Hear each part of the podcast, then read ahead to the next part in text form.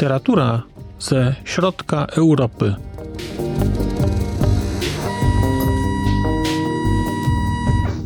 Podcast około książkowy.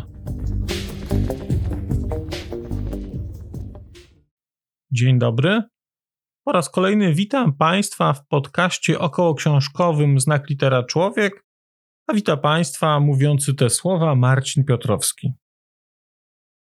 Zapraszam dzisiaj Państwa do posłuchania o książce o Węgrzech, ale nie napisanej przez Węgra. Nie jest to przykład literatury węgierskiej, ale do jakiegoś stopnia około węgierskiej. No, tak mi się wydaje, że to z pewnością. Mam bowiem dzisiaj dla Państwa opowieść o niewielkiej, ale bardzo interesującej książce Wiktora Woroszylskiego Dziennik Węgierski 1956. Wiktor Woroszylski w roku 56, w okresie rewolucji węgierskiej, pojechał do Budapesztu, właściwie poleciał i spędził tam dwa tygodnie. Dziennik węgierski jest literackim zapisem tamtego czasu, czasu pobytu w Budapeszcie, ale nie tylko, również wypraw poza Budapeszt i obejmuje okres od 30 października do 11 listopada 56 roku.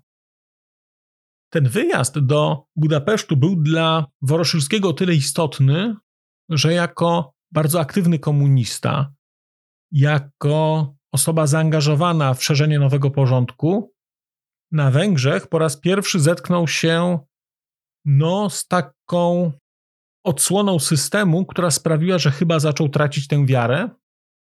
I mimo, że w tym dzienniku przedstawia się, mówi o sobie, jest postrzegany jako komunista, to jest to już komunista nieco bardziej wątpiący, no a później jest już komunistą zupełnie pozbawionym złudzeń. Ja czytałem dziennik węgierski w wydaniu z roku 1990. To ma o tyle znaczenie, że podstawowa część dziennika, czyli te zapiski z roku 56, to jest rok 56. Natomiast co jakiś czas Woroszylski do tego dziennika dopisywał takie glosy. Te glosy nie mają charakteru zmieniającego dziennik. To nie jest próba dopisania czegoś do roku 56. To jest próba uzupełnienia tamtych rzeczy, spojrzenia na nie na świeżo z perspektywy czasu. Mamy więc zapiski z roku 76, z roku 81, 86 i 89. Każdy z tych dodatkowych fragmentów wnosi głębszy kontekst do pierwszych zapisków. Ten kontekst polega na chociażby jasnym powiedzeniu, kim są bohaterowie, którzy pojawiają się w głównej części dziennika. Pseudonimy zostają zdekodowane na prawdziwe imiona i nazwiska ci ludzie zostają pokazani, śledzimy ich dalsze losy. No śledzimy to jest dużo powiedziane, ale dowiadujemy się, co stało się z nimi później. Woroszylski uzupełnia także wcześniejsze relacje, klaryfikuje pewne rzeczy, o czym będę mówił za chwilę. I ma to znaczenie o tyle, że część dotycząca roku 56 stricte jest dostępna, wydaje mi się, w formie elektronicznej na stronach wydawnictwa Więź, ale jeżeli chcecie Państwo przeczytać całość, to tego już dostępnego elektronicznie nie ma, a mam wrażenie, że warto przeczytać całość, a nie tylko ten fragment główny, czyli sam dziennik z roku 56. Czytając dziennik Woroszylskiego, miałem dogłębne, dogłębne wrażenie bycia w mieście frontowym. Miałem wrażenie uczestnictwa w rewolucji, miałem wrażenie uczestnictwa w jakimś dużym wydarzeniu historycznym.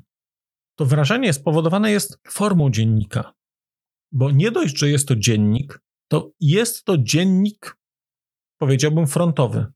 To są zapiski prowadzone na kolanie, to są zapiski robione w ostatniej chwili, to są urywane zdania, to są niekontynuowane wątki, to są bardzo krótkie zdania. Niektóre mają jeden wyraz, są zdania trzy, czterowyrazowe. Oczywiście nie jest ten dziennik cały taki. ale bardzo dużo rzeczy jest pisanych w taki sposób podkreślający lapidarność, podkreślający krótki czas, który był na zrobienie tych zapisków. Także język jest językiem momentami prostym, ale przede wszystkim jest językiem czasu teraźniejszego i jest językiem dziania się rzeczy. Te rzeczy się dzieją, te rzeczy się stają, to wszystko dzieje się właśnie teraz. Kiedy Woroszylski zabiera nas do szpitala, to widzimy ludzi, którzy są w tym szpitalu teraz, widzimy tych lekarzy, którzy operują, którzy odbierają porody, którzy zmęczeni uśmiechają się.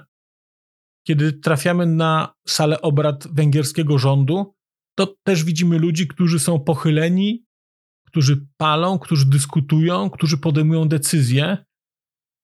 To jest takie bardzo, bardzo namacalne, bardzo konkretne. Bardzo króciutka scena przebiegania przez ulicę pod ostrzałem też jest taka, powiedziałbym, ocierająca się o opisy z powstania warszawskiego. Wszystko jest szalenie krótkie, szalenie zwarte, takie frontowe, przesycone chwilowością. Pojawiają się tutaj także oczywiście uczucia, ale te uczucia też są takie konkretne, namacalne. Tu nie ma czasu na pewne rzeczy. Ta refleksja też przychodzi, jakaś jest, ona przychodzi później, ale zasadniczo to jest książka o stawaniu się, książka o próbie urzeczywistnienia czegoś. Czytając dziennik węgierski, znajdziecie się Państwo w bardzo unikalnym momencie historycznym. Dlatego, że Woroszylski przyjechał i zaczyna ten dziennik, kiedy ta pierwsza fala rewolucyjna odniosła zwycięstwo i tak naprawdę Rosjanie gdzieś się wycofują i ludzie są pełni nadziei. Oni są pełni nadziei, że uda im się zacząć budować ten kraj na nowo, że Rosjanie wyjdą, że będą budować socjalizm, bo oni go nawet dosyć chcą. Nie wyobrażają sobie tego, że ktoś odbierze im ziemię, która została reformą rolną jakoś im przyznana. Ale chcieliby budować ten kraj na własnych warunkach. I widzimy ten moment, kiedy to wszystko zaczyna rozkwitać, kiedy pojawiają się kolejne gazety, kolejne tytuły prasowe, redakcje, ludzie się ze sobą nie zgadzają. A po chwili widzimy ten moment, kiedy Związek Radziecki się przegrupowuje i za chwilę cała ta rewolucja, cały ten wykwit wolności zostaje brutalnie zamordowany. No bo cóż Rosjanie potrafią robić? No właśnie to mordować wolność. To jest kraj, który z tego się utrzymuje, mam wrażenie, mentalnie. Mamy więc zapiski z frontu, mamy więc utratę nadziei, mamy czas teraźniejszy, ale mamy w tej książce coś jeszcze. Mamy ogromną, ogromną prawdę i szczerość autora. A to dlatego, że w roku 56 Woroszylski napisał dziennik. Natomiast nieco później, w roku chyba 76, w ramach takiego swojego dopowiadania, tej glosy, napisał bardzo konkretne rzeczy. Przede wszystkim wprost przyznał, że niektóre rzeczy opisane w dzienniku nie do końca mogą być prawdą. Bardzo szanuję takie postawienie sprawy, bo jeżeli potraktujemy dziennik jako rodzaj reportażu wojennego, to Polska Szkoła Reportażu nie zawsze jest taka chętna przyznawać, co jest prawdą, a co prawdą nie jest. Woroszylski pisze bowiem tak. Informacje odnotowane w dzienniku węgierskim 1956 siłą rzeczy nie zawsze dawały się podówczas sprawdzić. I nie taiłem, że oparte bywały niekiedy na kursujących pogłoskach, ocenach i przeświadczeniach ludzi, z którymi pozostawałem w kontakcie. Myślę, że nie popełniłem grubych błędów, ale z zaufaniem i pewną ulgą przyjmuję garść uściśleń i uzupełnień zawartych we wstępie i przypisanych do budapeszteńskiego wydania. Tak więc, no i dalej zaczyna się pół strony wyliczeń tego, co wydaje się, że było nieprawdą, albo było niepełną prawdą, albo było plotką. Nie wiem jak Państwo, ale ja mam wrażenie, że to rzadkość, kiedy pisarz coś takiego świadomie robi, i wprost mówi, że pewne rzeczy, nie chcę powiedzieć, że są przez niego skonfabulowane, ale że pewne rzeczy w dobrej wierze wykorzystał, a one niekoniecznie były prawdziwe, jak się później okazało. I to w ramach tych glos właśnie Państwo znajdziecie. W ramach tych glos znajdziecie Państwo informacje, kim byli prawdziwi bohaterowie tej książki. Tam oni są podani z imienia i nazwiska. Ich dalsze losy także można poznać. Ale także w ramach tych glos dowiadujemy się o tym, jak Woroszylski ten dziennik napisał. I to jest też dla mnie dowód ogromnej odwagi. Dlatego, że czytając tak dobrze napisany dziennik, dziennik wojenny, dziennik frontowy, dziennik rewolucyjny, powiedziałbym nawet, ma się wrażenie, że to jest realny zapis z frontu, że to jest zapis chwili. Tymczasem Woroszylski wprost przyznaje, że tak nie było. Wprost przyznaje, że dziennik węgierski per se napisał później.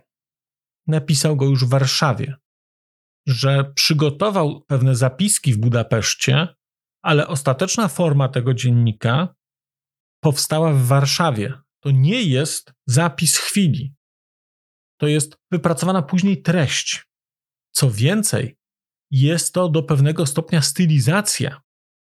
Dlatego, że Woroszylski wprost przyznaje, że pisząc dziennik węgierski, chciał stylistycznie oddać hołd rosyjskiemu czy radzieckiemu korespondentowi wojennemu Michaiłowi Kolcowowi, który napisał dziennik hiszpański. Jest to zapis wojny w Hiszpanii, wojny domowej w Hiszpanii. Kolcow tam był. Później był korespondentem w roku 1938 w Czechosłowacji, a w roku 40 towarzysze strzelili mu potylicę, gdyż dokładnie to zwykli robić Rosjanie z niektórymi ludźmi. Kolcowa można kupić, te dzienniki. Ja już sobie jeden zamówiłem. One na Allegro mają ceny jednocyfrowe. Jest to wydanie z roku 59. I ja zamierzam poczytać sobie Kolcowa po to, żeby zobaczyć, co tak zachwyciło Woroszylskiego.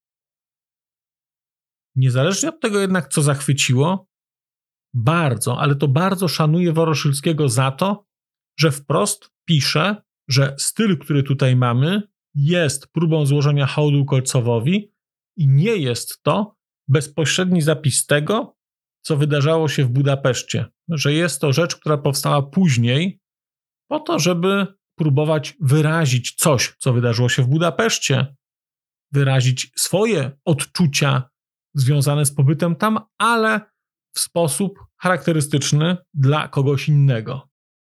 Bardzo, bardzo to doceniam.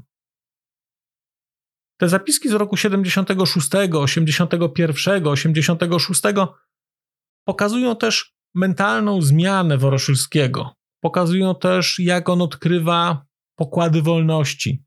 Zapiski z roku 81 są przesycone ogromną nadzieją, bo to są zapiski jeszcze sprzed końcówki roku i wydaje się, że ta rewolucja, która tam wtedy ma miejsce, będzie udana, że uda się bezkrwawo coś osiągnąć. No, jak się skończyło, to wszyscy wiemy.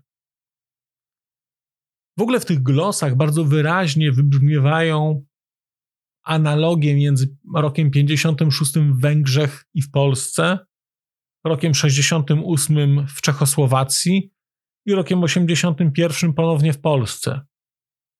Wszędzie widać ludzi, którzy próbują coś zmienić. Nawet paradoksalnie nie próbują zmieniać całego systemu, tylko próbują go do jakiegoś stopnia dostosować do siebie i próbować sami nim zarządzać bez rosyjskiego buta. I widać, jak to się nie udaje. I te zapiski z roku 86 są już nieco bardziej pesymistyczne. Z kolei te z roku 89 są już zapiskami też chwili, bo to są. To jest opis tygodniowej wyprawy na Węgry w momencie, kiedy rozsypuje się cały wschodni blok. kiedy na Węgrzech zaczynają powstawać te komitety obywatelskie, kiedy wszystko się sypie i przebija wolność, i jest w tym też jakaś, jakaś nadzieja, ogromna nawet nadzieja. Jestem tą książką bardzo ukontentowany jakoś. To znaczy, nie spodziewałem się czegoś takiego. Mniej więcej wiedziałem, jak pisze Wiktor Woroszylski. Spodziewałem się być może czegoś bardziej poetyckiego. Natomiast dostałem dziennik frontowy, napisany w sposób absolutnie wyjątkowy. Do tego dostałem kilkadziesiąt stron, no małe kilkadziesiąt, no bo powiedzmy 30-40 stron takiej dodatkowej refleksji z kolejnych lat, próby spojrzenia wstecz na, te, na to, co wydarzyło się na Węgrzech i jak zmieniła się sytuacja w Polsce też. I razem to tworzy bardzo, bardzo unikalną kompozycję. Ta książka jest krótka, bo sam dziennik węgierski to jest raptem 50 stron. I to są krótkie rozdziały, krótkie zapiski, bardzo takie dynamiczne, powiedziałbym. Te późniejsze glosy mają zupełnie inny charakter. Taki trochę podsumowujący. No to, to już jest zupełnie nie ten dziennik. To, są, to jest dopiski do tego dziennika, wyjaśnienia i tak dalej. Całość robi bardzo, bardzo duże wrażenie. Ja jestem bardzo zadowolony, że sobie tę książkę na początek miesiąca węgierskiego przeczytałem i bardzo czekam teraz na kolejne książki o roku 56, które mam zaplanowane i które będę czytał, bo teraz na to, co tu zobaczyłem u Worszylskiego, nałożę rzeczy, które wyczytam u Węgrów już. Bardzo Państwa do lektury dziennika węgierskiego zachęcam.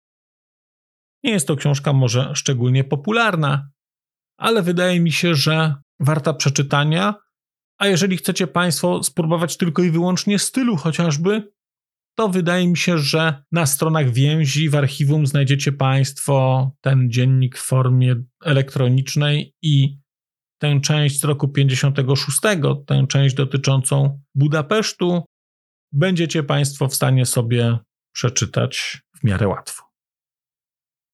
Dziękuję bardzo Państwu za dzisiejsze spotkanie. Zapraszam do komentowania, zapraszam do dzielenia się refleksjami różnego typu, zapraszam do słuchania także przeszłych odcinków tegoż podcastu. A dzisiaj mówię Państwu do usłyszenia. Powrócę do Państwa w momencie stosownym z kolejnymi książkami. Przez mikrofon mówił do Państwa Marcin Piotrowski. A już zupełnie na koniec powiem, że skoro wysłuchaliście Państwo tego odcinka, to w jego opisie znajdziecie link do serwisu YouTube. W wersji YouTube'owej e, jest miejsce na skomentowanie go. To jest takie miejsce, gdzie można komentować ten odcinek, rozmawiać, zadawać pytania, wymieniać się spostrzeżeniami, do czego Państwa bardzo zachęcam, gdyż udało się już na tym YouTubie zgromadzić trochę bardzo ciekawych osób, bardzo ciekawych komentarzy i trochę stworzyć taką społeczność ludzi rozmawiających o książkach. Też na koniec, zupełnie na koniec, e, poproszę Państwa o wystawienie oceny mi w ramach e, tych platform podcastowych, na których Państwo tego odcinka wysłuchaliście. I nieważne jaka ta ocena będzie, istotne dla mnie po prostu, że będzie. Tymczasem się żegnam już naprawdę i do usłyszenia za czas jakiś.